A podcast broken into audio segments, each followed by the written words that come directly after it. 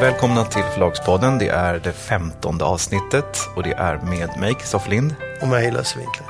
Och idag så ska vi träffa en person som eh, är mycket speciell. Ja, på många sätt. Och mycket framgångsrik. Och det är Per-Anders Lundström. Som är chef för Svenskt militärhistoriskt bibliotek, SMB. Just det, SMB förkortat. Och eh, vad som är så otroligt fascinerande med Per-Anders Lundström, det är ju att han driver en bokklubb som går väldigt bra. Och bokklubbarna över hela världen har ju inte bara minskat, de har i stor utsträckning försvunnit. Den amerikanska motsvarigheten till, till Penn and Sword Book Club, alltså SMB i USA, den gjorde konkurs för många år sedan. Och i Sverige så går bokklubbarna bara ner och ner och ner och ner. Men SMB håller ställningarna. Kan bero på målgruppen. Ja, fast du har ju inte sett det i övriga delen av världen. Jag tror att det beror uteslutande på hur Per-Anders Lundström jobbar. Mm. Och det är det vi ska eh, prata med honom idag. Jag mm. ser fram emot detta. Ja, han är en frisk fläkt. Ja, vilket ni kommer att märka alldeles strax.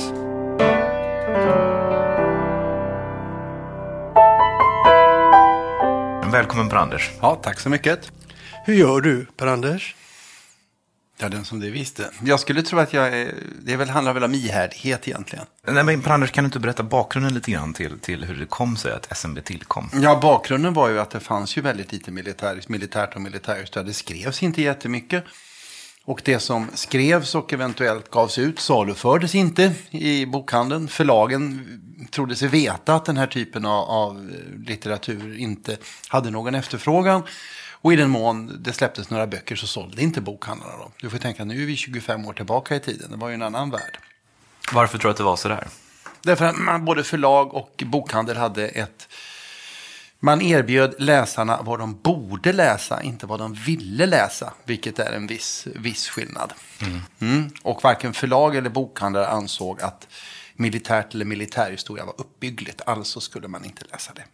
Följaktligen skrevs det väldigt, kom ut väldigt få böcker och såldes som möjligt ännu sämre. Sen började det ändras 1986 när, när Peter Englund kom. Men vi tillsammans med Historiska Media i Lund, vi såg vi mångdubblade ju utgivningen inom militärt och militärhistoria. Mm. Och samtidigt genomgick ju bokhandeln så småningom slutet på 90-talet, början av 2000-talet en, en förändring där man blev ja, säga, mer kommersiell. Man var tvungen att erbjuda läsarna det de ville läsa. Och det visade sig att det här var litteratur som det fanns en väldigt stor efterfrågan på. De fler förlag började så småningom ge ut böcker när vi hade gått ett par år in efter millennieskiftet. Men när kom du igång, Kristoffer? Ja, jag minns inte exakt när jag kom igång, men eh, det var väl... Jag var inte med i början av det här för att jag hade väl knappt startat mitt förlag då. Det här var lite före min tid. Och sen så hade jag väl i början inte så mycket historia över, överhuvudtaget. Men jag har väl plockat upp, upp, upp det här på senare tid. Och idag tror jag nog att Lind Company är det förlag som ger ut mest militärhistoria mm. i Sverige. Och så tror jag har varit ganska många år nu. Hur många medlemmar är ni nu? Vi är, ja frågan, i, frågan är väl på sitt sätt relevant, men den är också irrelevant. Eh, vi är lika många medlemmar, om man, om man med det menar de här kärnmedlemmarna i klubben är vi lika många idag som vi var för tio år sedan. Vi har inte tappat några. Ja, det gör vi väl i och för sig, men vi klarar ju av att nyrekrytera, vilket vi nog är ganska ensamma om. Men däremot har världen förändrats så att idag har vi ju flera hundratusen prenumeranter eller följare som antingen följer oss på, i våra nyhetsbrev digitalt eller är med, eh, gillar oss och följer oss på, på Facebook. På för vår största Facebook-sida, vi har flera stycken, har närmare 155 000 uh, gillare. Men det där är lite intressant. Vi kanske ska mm. Eh, liksom, bita oss fast lite grann i det där. För mm. att något som jag beundrar eh, SMB och Per-Anders Lundström för, det är den här förmågan att vända ut och in på sig själv och uppfinna sig själv på nytt. För att samtidigt då som alla andra bokklubbar har enorma problem och verkar, verkar ha inställningen att framtiden är icke-existerande och nu ska vi bara mjölka ut det sista av våra medlemmar. Mm. Så har man här, ni har haft en helt annan inställning och du har börjat med alla dessa digitala kanaler mm. och digitaliserat pennan och svärdet. Kan du inte berätta lite grann om de här digitala ja. satsningarna? För det, det är ju helt fascinerande. Jag tycker det är en ganska förfärlig eh, historia därför att att, att många har ju ställts inför den här frågan. Ta till exempel, eh, om vi går tillbaka hundra år i tiden när explosionsmotorn stod igenom. Hade du då ett åkeri så fick du ju fråga dig om du var i hästbranschen eller om du var i transportbranschen. Och där, det är ju där det går fel till en början. För många, de flesta, svarar säkert att de var i hästbranschen. Och det var, det var, ju, och det var de ju inte. Det förstod de inte. Men det är ju inte så lätt när du har ett stall med hästar och en massa människor som älskar hästar. Och kuskar och stallknäktar och allt. Så ska du ställa om till någonting helt annat. Det misslyckades naturligtvis de flesta med. Och vi måste ju fråga oss vad vi sysslar med. Och vi har väl kommit fram till att vi sysslar med militärt och militärhistoria. Eh, och en tung del där, den tyngsta delen är naturligtvis den information och underhållning vi sprider. Eh, och det gör vi ju då huvudsakligen, eller via pappersboken. Men, det, men vi, fick ju, vi får ju fråga oss om det är det att producera böcker som är vårt raison d'être eller, att det eller om vi är... Det är, ju, det är ju där det gäller att fundera. Att vad är en bok? Ja, det är två stycken pärmar och så finns det någon typ av innehåll där som sammanhålls av de där. Men precis varianter på samma tema kan man ju få till exempel via en, via en podd. Man kan spela in, man kan ha en film, man kan göra vad som helst. Vi ordnar väldigt mycket resor till exempel. Och det liksom, vad är det? Det är militärhistoria, att, bära, att, att militärhistoria på plats. Om man har ett ikoniskt militärt armbandsur, då är det militärhistoria på, för handleden. Eh, vi har spelat in, spelar in skivor med marschmusik. Ja, vad är det? Det är ju militärhistoria för öronen. Eh, och boken den kan man ju tillgodogöra sig precis lika väl som ljudbok. Eller varför inte e-bok? Det är ju ändå innehållet som är det väsentliga. Det är ju berättelsen, kunskapen som är det väsentliga. Eh, sen vilket, vilken media du har, om du har det på papper eller om du har det digitalt, det är mindre intressant. Har du inte den insikten så tror jag då är det nog ganska kört. Okej, okay, så hände? Försäljningen sjönk ju som en sten när internetbokhandeln slog igenom 2004. Och då vände jag mig i min nöd till Eva Bonnier och bad henne ordna fram för huvudböcker. Och eh, så fick vi då 15 böcker på ett bräde som vi hade ensamrätt till. Och på det sättet hann vi få igång en egen produktion.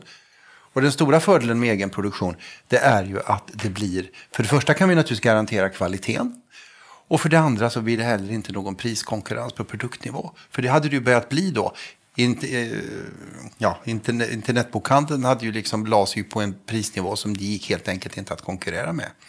Så det var ett sätt att klara sig ur det där dilemmat. Och så var vi ur den krisen tillfälligt. Mm. Det där är rätt intressant. Det där var ett vägval du gjorde som blev väldigt viktigt. Mm. Du gick runt till förlagen och sa att ska vi ta några böcker från er så ska vi ha karenstid. Ja. Annars, om vi inte får karenstid, så konkurrerar de andra och då kan vi inte ta ut de priserna vi har och då kan vi inte sälja.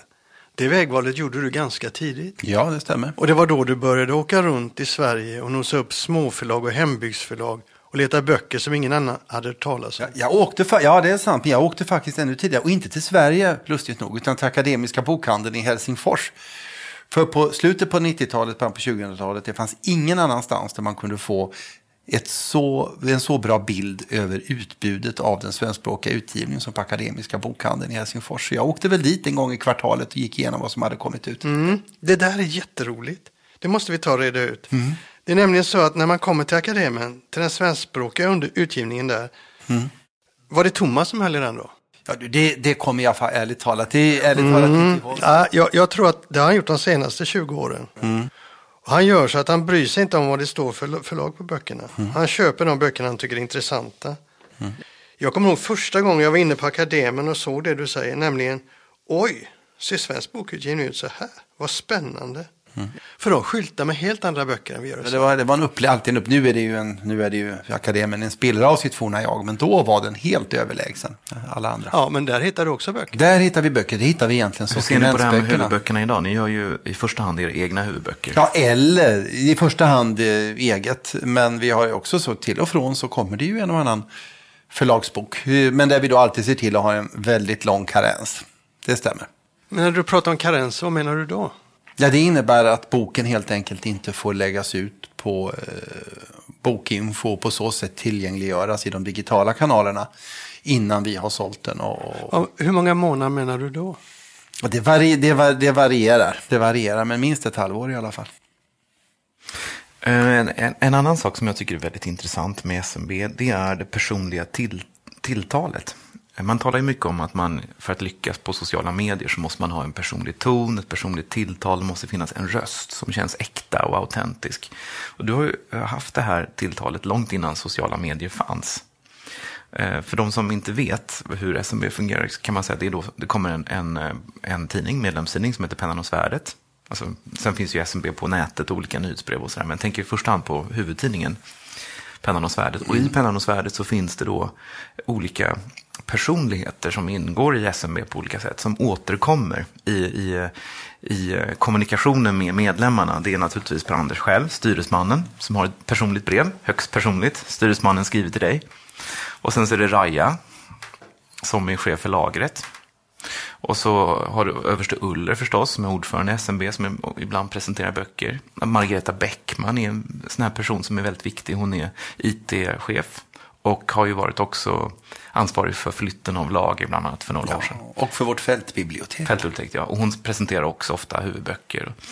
Ehm, hur, hur, hur tänkte du med kring det här? Fanns det någon strategi eller var det bara... Ja, det finns en strategi. Det finns en tanke om du ska ha, sätta upp en... Det här är ju inget, det här är ju verkligheten. Men säg att du ska sätta upp en, en, en teaterpjäs. Så kan du inte ha hur många roller som helst i den här pjäsen. För det blir bara ett gytter omöjligt för, för de som tittar på pjäsen att hålla reda på. Så redan från början så samlade jag ett begränsat antal personer. Och vi diskuterade igenom det här med, mark med, med marknadsföringen och hur vi ska kommunicera med medlemmarna. Så bestämde vi helt enkelt att vi har ett, ett visst antal personer, tiotal, som förekommer i olika sammanhang. Mm. Och fler än, så värst mycket, många fler än så ska det inte vara. För det, då, då, då, det går inte att hålla, för de som lyssnar på andra sidan eller läser, de kan inte hålla reda på hur många personer som helst. Nej. Och sen har var och en sin specialuppgift så att säga. Men det är ju, det är ju riktiga människor. Jag, Ja. För att ta några exempel. Eh, bl- bland annat så eh, finns det då en, eh, man kan ha en strumpprenumeration, vilket jag tycker är briljant. Kan återkomma till det sen.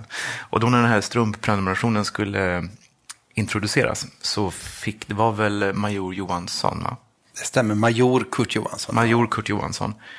Eh, han, Han, eh, han finns på riktigt alltså? oh ja, Ja, han fanns på riktigt. Han, är, han avled för ett tag sedan. Ja, men, ja, det gjorde han. Men då, han var eh, också en person som förekom flitigt i Pennan och svärdet. Och då när den här strumpprenumerationen skulle introduceras så var det en bild på Major Johansson och strumpan. Och då så stod det att för de som vill ställa frågor om strumpans kvalitet eh, och så vidare får gärna ringa hem till Major Kurt Johansson. Men inte efter klockan nio. Och sen stod hans personliga telefonnummer. ja. Och han svarade om någon ringde. Var det någon som ringde alltså? Ja, det var det. Med bara ett par stycken. Men, vi, eh, men visst, men det, är ju, det måste ju vara äkta. Och det är alltid viktigt. Det, det, det, och det har ju blivit ännu viktigare i sociala medias eh, tidevarv. Att, att eh, man kan ju inte ha en personlig kommunikation som inte är äkta. Det Nej. blir ju som du får ett erbjudande från någon. Ett ställe som du bara handlat av någon enstaka gång och så står det du är en av våra bästa kunder. Är det trovärdigt? Nej. Det, det roligaste som jag kan komma ihåg i, eh, i, eh, i den här, när man följer de här personligheterna, det är ju, ja det är lite töntigt att ta upp, men det här med Ica-Anita var ju en favorit. Alltså, Ja, Ica-Anita Ja. vi, vi, som, som arbetade på en Ica-butik och hade, tyckte tydligen inte om oss utan saboterade de paket som lämnades ut i butiken så böckerna kunde vara skadade. Men vi fick rätt sida på det. Ja, så småningom, det tog Mm. ganska lång tid men vi lyckades få rätt sida på det. Via paketleverantören så såg vi till att Ani- Ica-Anita inte fick ta hand om paket längre. För de kunde liksom inte bära riktigt, hon motsvarade nog kanske inte det förtroendet. det var alltså en person som jobbade på ett utlämningsställe som saboterade SMBs paketförsändelser. Och då fick man följa detta då. Eh, och man fick, det var bilder på Per-Anders när han pa- packade böckerna och det var som, mm, ja, mycket saker så att Ica-Anita inte skulle sabotera dem. Ja. Mycket tejp och så. Det var mycket tips. Sen får man ju vara noga med sådana saker att man inte namnger folk eller talar om vilken Ja. butik det är och sånt där. Ja. Men det var bara ett, ett roligt, alltså det, var, ett ganska komiskt exempel naturligtvis. Det fanns något humoristiskt i detta, men det var roligt att få ta del av. Och att det var äkta. Allting är äkta. Ta Margareta till exempel som har varit med i många år. Jag menar nu i sommar kommer hon att bjuda in alla medlemmar till en trädgårdsfest i sitt hus. Sin stora trädgård i Smygahamn. Självklart alla medlemmar kan få träffa henne. Men det är märkligt att det är ingen annan som har försökt lägga sig till med just det här väldigt personliga tilltalet. Det, det, det finns ett motstånd mot det överhuvudtaget. Jag har ju jobbat med det nu i 25 år. Ett internt motstånd. Och jag vet inte vad det är, men det är någonting i utbildningen, förhållningssättet, framförallt akademiskt förhållningssätt, det är att man, ska- man ska inte skriva ja, utan man ska skriva man. Och det är, det är väldigt svårt att komma till rätta till. Så jag får ju liksom hela tiden gå runt här och tillrättavisa folk att, och ge dem liksom utbildning så här skriver du. För när de kommer hit och, och ska börja arbeta med information, marknadsföring, så är det ju alltid opersonligt. Och vad värre är så finns det ju någon sån här återställningsmekanism hos folk också. Så att vi har hela tiden så måste vi jobba, jobba med det här så att vi inte förlorar det personliga tilltalet. Ja, trots det måste jag ställa frågan, hur jobbar ni med sociala medier? Men mer, jag tror Lasse menar mer konkret, ni har ett antal olika Facebook-sidor. Ja, och Instagram. Och Instagram. Och, elekt- och eh, digitala nyhetsbrev. Ja, och poddar. Och, t- och två stycken poddar. Och en YouTube-kanal. Och vi kan säkert göra listan längre. Hur, hur rent affärsmässigt då? För det är ju ändå så att man kan, det finns ju massor av saker man kan göra, men någonstans ska man ju tjäna pengarna. Hur, hur tjänar ni pengar på det här? Ja, det är idag värvar vi i princip alla medlem, nya medlemmar kommer ju via, via webben och sociala medier. Så hade vi inte gjort de här satsningarna, eller börjat för, för ett antal år sedan, så hade vi ju haft svåra problem idag. Hur är det med eh, försäljning? Alltså, gör- en viss försäljning äger också rum på de här sidorna, va? En, en, en, en, allt större del av vår försäljning äger rum på de här sidorna. Eh, Det gör de. Och, och den ökar ju hela tiden. Så att den del av försäljningen som äger rum via pennan och svärdet är ju fortfarande den traditionella pennan och svärdet som numera finns både tryckt och framförallt digital tidning. Den är ju fortfarande den största delen. Men försäljningen via våra digitala kanaler tar ju, en, knap, tar ju hela tiden en allt större del av, eh, av kakan. Pennan och svärdet, den delen är ju medlemmar. Men i de övriga sociala medierna, är, är det de du kallar sympatisörer? Ja, man kan kalla det prenumeranter eller, eller följ, följare. Så att man kan väl säga att förut fanns, fanns det ju bara ett on och ett off-läge. Antingen var du fullvärdig medlem eller också fanns du inte. Men idag är det inte så. Idag kan du liksom vara fullvärdig medlem i den traditionella klubben, om man upplevelseklubben om man säger så, eller bokklubben. Och sen kan man vara liksom prenumerant på våra nyhetsbrev, man kan följa en eller flera av våra eh, digitala kanaler. Så det är liksom en, en, en, en, någon, någon typ av, av, av, av trappa. Och även om man då har varit fullvärdig medlem och sen bara följer oss till exempel via Facebook så är man ju fortfarande kvar på något sätt. Så vi kommunicerar och vi har också möjlighet att liksom återvärva. Så det blir någon sorts hjul där, där man i bästa fall bara snurrar runt. Mm, Okej, men, men hur stor del av försäljningen sker utanför I bokklubben? dagsläget är det lite drygt 25 procent, men den ökar hela tiden. Ja, för det där är ju lite klon för mig. Hur man utvecklar en bokklubb till att plocka in försäljning utanför bokklubben.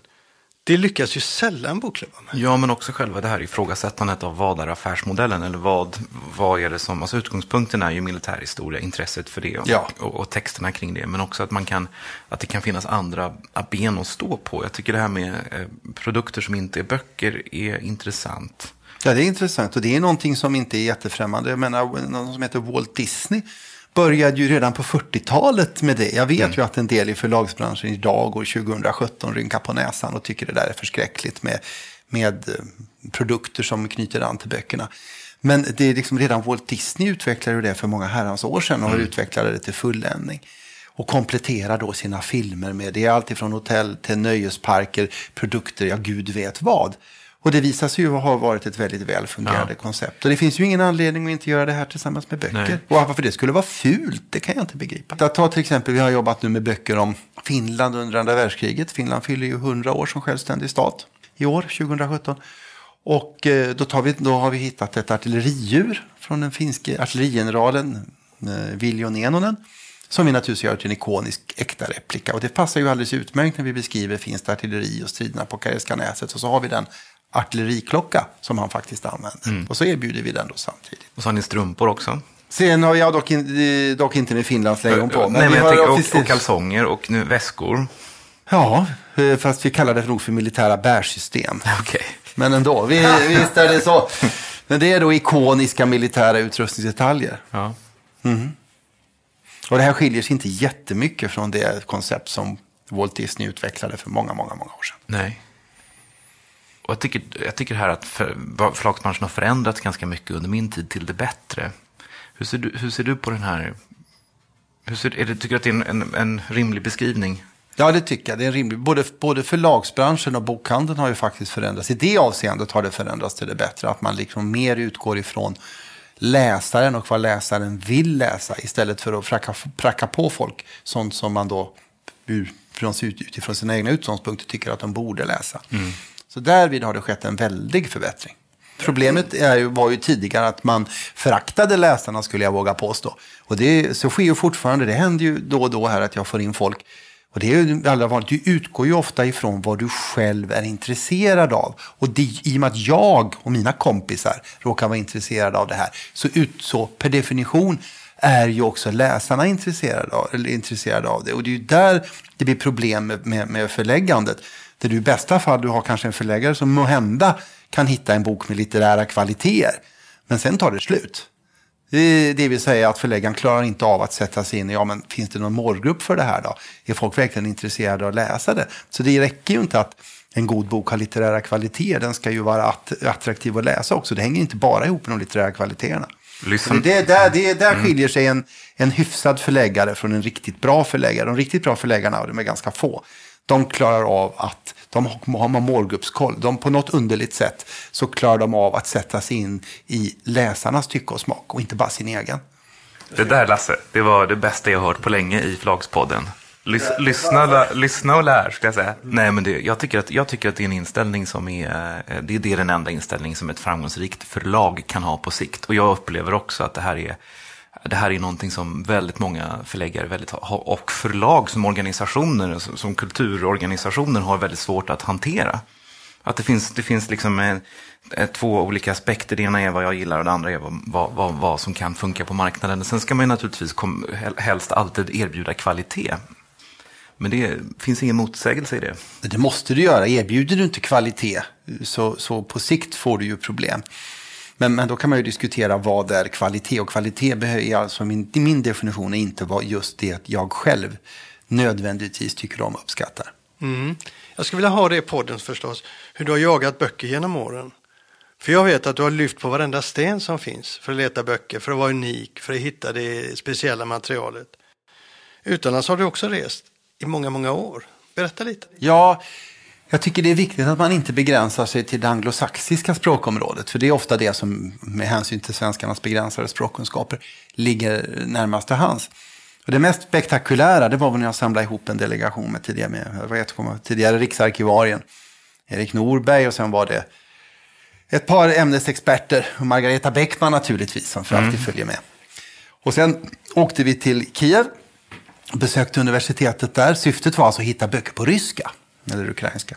Det var några år sedan. Och då åkte vi till Kiev och träffade eh, folk på universitetet. Vad finns det för några duktiga författare och historiker i Kiev? Samlade dem och pratade och gick igenom vad de hade gett ut. Sen åkte vi till Poltava, träffade dem där, lärarhögskolan. Sen åkte vi till Charkov och träffade dem på universitetet där. Väldigt intressant faktiskt. Sen åkte vi till Moskva, eh, till Moskvas humanistiska universitet och Ryska vetenskapsakademin och träffade eh, forskare och historiker där. Och sen fortsatte vi via med Sankt Petersburg. Det var nattåg hela tiden. Oj. Till Sankt Petersburgs humanistiska universitet och även till diverse arkivinstitutioner, bland annat eh, den baltiska flottan. Och såg vad de hade för, för några författare. Och det praktiska resultatet av den där resan blev ju en sex, sju böcker mm. som vi antingen, som vi då, de var, det var inga gamla böcker, utan det var sex, sju böcker som ny, nyskrevs egentligen på ryska, som vi sen översatte till, eh, till svenska. Så att det var väl ett extremexempel på hur man kan arbeta. Extremt. Jag tycker det var ett underbart exempel på hur nyfiken man kan vara. Du har varit in i Washington va? Ja, vi åker regelbundet, eller regelbundet, det låter pretentiöst, men, men med ett par års mellanrum så åker jag och några till till Washington och sätter oss på National Archives. Eh, och sen gräver vi igenom eh, arkivet på jakt efter material, tidigare icke publicerat material. Och varje sån där resa, vi brukar vara borta i en dryg vecka, tio dagar, resulterar också i fem sex, fem, sex böcker. Och vi kan hitta rent spektakulära saker faktiskt. Och de här böckerna har allihop gått väldigt bra. Är det då ögonvittnesskildringar, dagböcker? Ja, det är alltid, vi försöker alltid vinnlägga oss. Det folk vill ha ju egentligen den goda fackboken med litterära kvaliteter. Så det innebär ju att det måste vara lite verkshöjd på den. Så det får inte vara allt för torrt och relaterande eller tråkiga, tråkiga, upp, tråkiga berättelser. Det, det, det, funkar inte. Men ta ett exempel, praktiskt exempel. Nikolaus von Falkenhorst var den som på fyrens order genomförde invasionen av Norge i april 1940. Han blev sen kvar där till december 44. Han satt sen, sommaren 45 i augusti, september, satt han fången krigsfånge. Och då skrev han ner en berättelse om sina upplevelser. Invasionen av Norge, ockupationen mm. av Norge. Det var ingen människa som har läst den. Den gömdes undan i arkivet. Vi hittade den i Washington. Den hade legat där sedan 1952. Otroligt. Det var ingen som hade överhuvudtaget tittat på den. Och... Det är såklart att den utgår, den var välskriven. De här högre tyska officerarna kunde ju skriva. Det var ju bildat folk.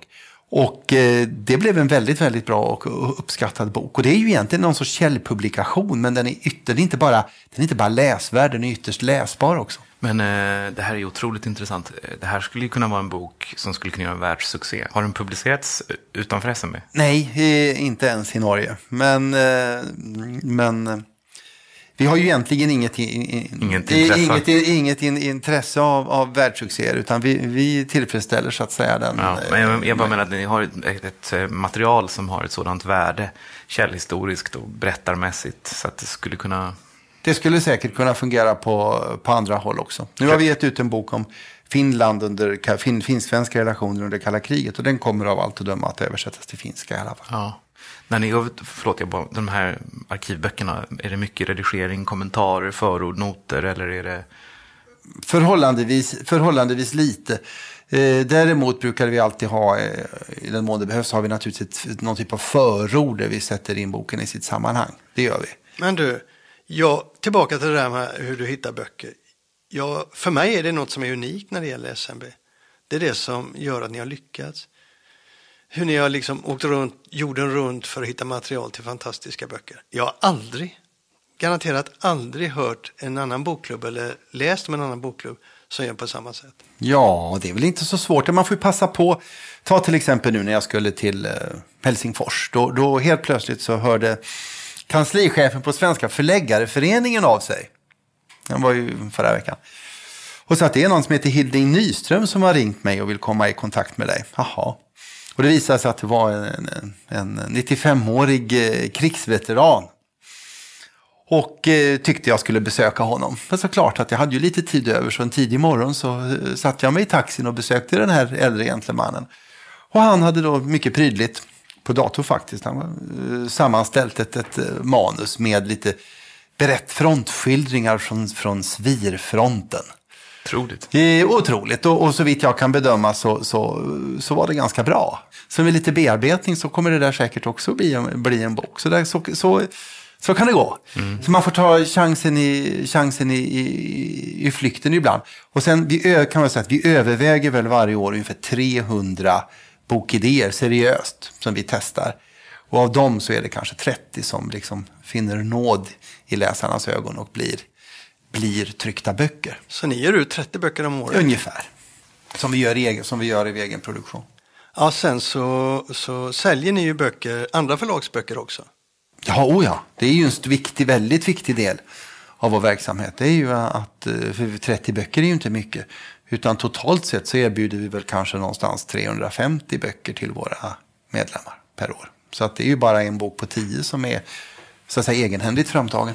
Vad gäller själva innehållet så eh, har jag en fråga och det gäller intresset för historia generellt sett. Det var ju väldigt starkt liksom när Poltava kom och i början av 90-talet och är fortfarande väldigt starkt. Men kan man se några förändringar vad gäller vilken typ av perioder som är populära bland medlemmarna och vad som går upp och vad som går ner? Ja, det kan man. Jag skulle våga påstå att kraven, alltså vårt valspråk sedan vi startade har varit att göra det läsvärda läsbart.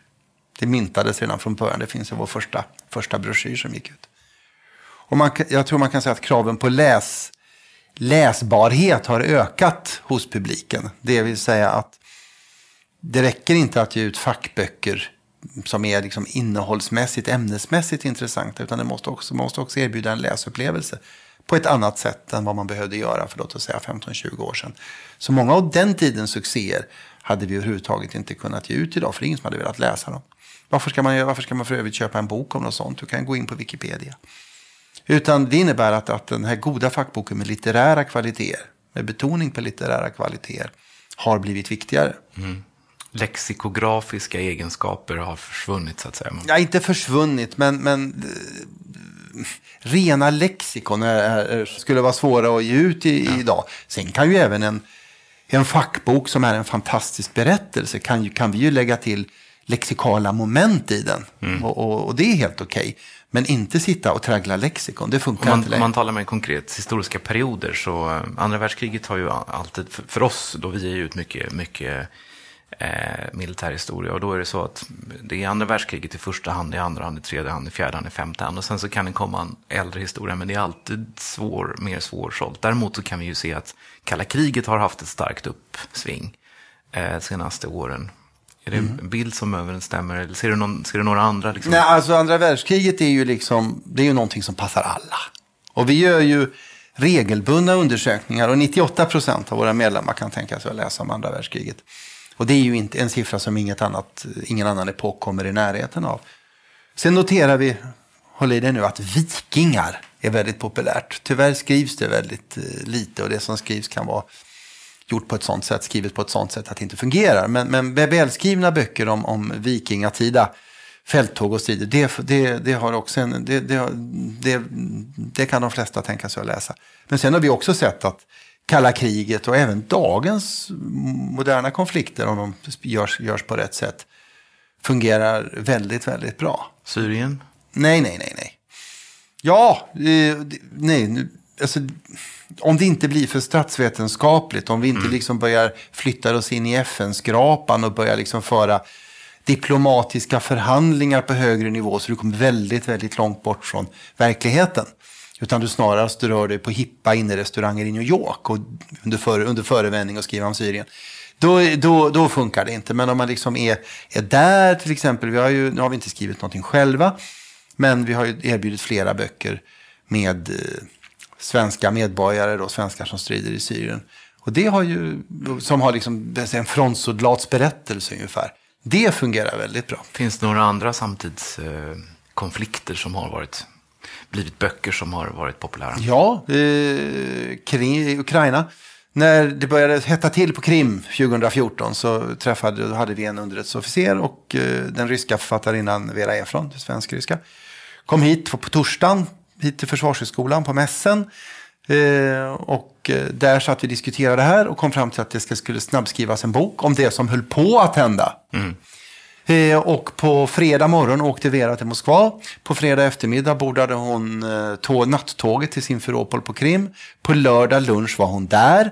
Eh, hon åkte runt på Krim och följde då fotograferade och hon skrev och följde då den här ryska invasionen dag för dag. Tre veckor senare var hon hemma, då var det fullbordat. Och ytterligare då sju veckor senare tror jag så var, vi, var boken klar och utgiven och sånt. Och det där det, var ju, det var ju, så kan man också jobba. Bo, där, böcker lämpar sig oftast är, inte för sånt, men, men det, man får ibland skynda sig. Det där tycker jag är väldigt intressant och imponerande för att då var det ju många förlag som letade efter böcker om, eh, om den här konflikten och jag vet att Eh, det finns en, en författare som skriver skönlitterära böcker som eh, bor i Ukraina som skrev en dagbok också från den här perioden som kom ut på mm. Penguin som översattes till många länder. Ah, vad heter han? Han skrev Döden och pingvinen. Någonting, ah, strunt samma. Men, men, men det här är också en bok, men ni, men ni gjorde en egen bok och ni gjorde en bok på plats. Ja, ofta får den, man göra det. det, det, det där är också en bok som hade kunnat haft en stor spridning utanför SMB. Kanske. Men du, du, du har aldrig lockats av att liksom... Något, något, några drömmar om världsherravälde? Nej. Nej. Men du har inte lockats att, eh, när boken är färdig, att ge den ett identitetsnummer, en, ett ISBN eh, Eh, och föra in den i bokinfo så att andra på marknaden kan hitta den och sälja den? Ja, alltså inte våra egna böcker, nej. För det, nej, det, därför att jag, där och då när jag, när jag satt 2004 med Eva Bonnier, så hade vi en diskussion om det där. Och, och, jag tänkte, hur ska vi kunna överleva långsiktigt? Och som jag såg det så var bokbranschen, förlagsbranschens Eh, så att säga, kommersiella kretslopp, var jag höll ju på ut, trodde jag i alla fall skulle utveckla sig till någon sorts dödsdans. Där man bara, det bara handlade om att erbjuda allt lägre priser. Vilket då skulle gå ut över både kvalitet och upplagor och annat. Så då bestämde jag mig för att vi, vi försöker, i den mån vi kan så drar vi oss ur det där kommersiella kretsloppet. För det, det, det gagnar ingen. Så enstaka böcker kan vi möjligen till, tillgängliggöra det. Men vi ser liksom inte bokhandeln som någon, någon kanal. Utan, eh, eller internetbokhandeln. Utan vi, vi eh, arbetar så att säga med våra egna kanaler. Ja, så vill man ha böckerna så får man bli medlem då. Precis, ja, det är ett ganska starkt argument. När vi började med det där 2004 eller 2005 så fick jag arga mejl från medlemmar. Som tyckte att det var förfärligt att man inte kunde hitta våra böcker på Adlibris. Otroligt. Ja, men de använder ju vår fina tidning som en beställningskatalog. Varför skulle vi, alltså, eh, kul för dem. Men det fick, fick, fick vi slut på det. det där kommer jag ihåg Per-Anders, hur förbannad du blev. Ja, men samtidigt får man ju förstå dem. För, för, för går de ändå in på Adlibris och det är lätt, snabbt, enkelt på den tiden. Jag menar varför då? Då hade man säkert beställt från Adlibris även om de sålde boken dyrare mm. än vad vi hade gjort. För det var praktiskt och, praktiskt och enkelt. Eh, och, fatt, och, och, och, den enskilde medlemmen förstår ju naturligtvis inte att om, vi inte får, om ingen någonsin beställer böcker från oss så kan vi ju självklart inte fortsätta med vare sig tidningen eller ge ut några böcker. Men man kan inte begära att folk ska tänka så långt, så vi hjälpte dem. Mm. Ja, ni finns i Sverige och så finns ni i den finlandssvenska miljön i Finland. Ja. Och så finns ni i Norge och Danmark. Nej, eh, Norge... Eh, eh I Danmark har vi lite, en del medlemmar. Norge går inte. Norge är ju inte medlem i EU och det får kan jag säga, vissa konsekvenser när man ska skicka böcker, skicka böcker eller vilka varor det än vara månde. Det är alltså en ganska svår marknad, det blir väldigt, väldigt besvärligt. Okej, okay. har ni mycket utlandssvenskar? Vi har väldigt många utlandssvenskar som vill vara medlemmar, men i så fall måste de ha en adress i, i Sverige där vi kan skicka grejerna, för det blir alldeles för dyrbart att skicka och vad värre är, ta emot returer. Mm. Så att det är helt enkelt eh, olönsamt och det är inte rimligt att våra svenska medlemmar ska subventionera utlandssvenskarna. Så det, det, går inte. Däremot kan man ju mycket väl följa oss. Eller till och med vara medlemmar, men då får du ha en fysisk adress i Sverige dit leveranserna går. Och det har ju de flesta, om inte själva så har de ju någon anhörig som vi kan skicka till. Du har ju då gjort väldigt mycket förändringar, du har anpassat dig till den digitala miljön, du har digitaliserat bokklubben i en utsträckning som de flesta förlag bara kan drömma om. Vad, skulle, vad är ditt råd till traditionella förlagschefer? Vad skulle du göra om du satt som förlagschef idag? Oj, det var en, en, en, en det var en svår fråga. Men man, alltså genom att det är ju ingen som kan förutse framtiden. Och, och, men man kan ändå ha en hum om ungefär vart man är på väg. Mm. Och vad vi har gjort är väl att vi väldigt tidigt har haft en hum om vad vi har varit på väg. Och sen har vi sett till att skaffa oss resurser och kompetens för att kunna möta de högst troliga utmaningarna som skulle komma. Och i och med att när utmaningarna kom, då var ju marken beredd i den mån. Då hade vi ju kompetens och resurser som då kunde riktas in på att möta de hot som, som då uppkom. Och det upplever jag att väldigt många förlag inte har. Utan man, man kör bara på i gamla hjulspår tills det inte går längre. Och när det inte går längre, ja men då har ju omslagspunkten ofta passerats för när man faktiskt kan göra någonting åt det. Jag menar digital kompetens eller kompetens, verklig kompetens på sociala medier det bygger man ju inte upp på en månad eller två. Och vad värre är, den går inte att köpa heller. Det är eh, väldigt, väldigt svårt. Utan den måste byggas upp själva. Utan jag säger från det jag börjar med någonting tills det de facto fungerar så får man ju räkna med ett och ett halvt, två år ofta. Så man måste alltså vara, tänka efter före och vidta då åtgärder i väldigt god tid. Och det är det som är, kanske är svårt. Dels att förutse och dels att motivera, motivera sig till detta. För det blir ofta bara en utgift innan man får en intäkt. Kan du ta om det en gång till? Och kan du lyssna noga nu, Kristoffer? Nej, men jag lyssnade jättenoga. Jag lyssnade jättenoga faktiskt. Du är en så förnuftig människa nu när du pratar, men, men du är också rolig. Jag vill att det ska komma fram i det här programmet. Ja, ska jag berätta roliga episoder? Då kan vi sitta, eh, sitta, eh, sitta hela dagen. Vi, vi, hade ju, vi hade ju en duell. Vilka? Jag och Kristoffer hade en duell. Vi utkämpade en duell om vem är den bästa förläggaren. Ja. Eh, och då gjorde vi så här, vi har en läsarpanel. Fackböcker kan man faktiskt förtesta. Mm. Mm. Inte skönlitteratur skulle jag inte våga mig på, men fackböcker går. Och då har vi en läsarpanel på 1600 personer som byts ut varje vecka. Det är samma människor som sen läser böckerna. Och det har visat sig att de kan i alla fall med mycket god träffsäkerhet avgöra om en bok är fågelfisk eller mittemellan. Sen tog vi och laddade in i det här systemet. Jag hade valt ut ett antal titlar som jag trodde skulle fungera. Kristoffer hade varit ute ett antal titlar. Och sen så lät vi läsarna avgöra vem är den bästa förläggaren. Och det här var militär, militär, militära militärhistoriska titlar. Och döm om min förvåning när Kristoffer vann. Okej, liten marginal, men det var i alla fall att Kristoffer var vinnare. Kan- Och det föranledde en viss självprövning. Så jag måste alldeles erkänna att när det gäller militärt och militärhistoria så är Kristoffer Lind den bästa förläggaren. Ja. Det är vetenskapligt bevisat. Och vi, det är flera tusen av våra medlemmar Det som har röstat. det, det måste vara för, nej, men det måste föras till protokollet. Per Anders är väldigt, väldigt snäll här för att, för att det här stämmer, men det var ju ett tillfälle och sen så har jag gjort flera andra sådana här saker senare där jag inte alls har, senast gick det inte så bra.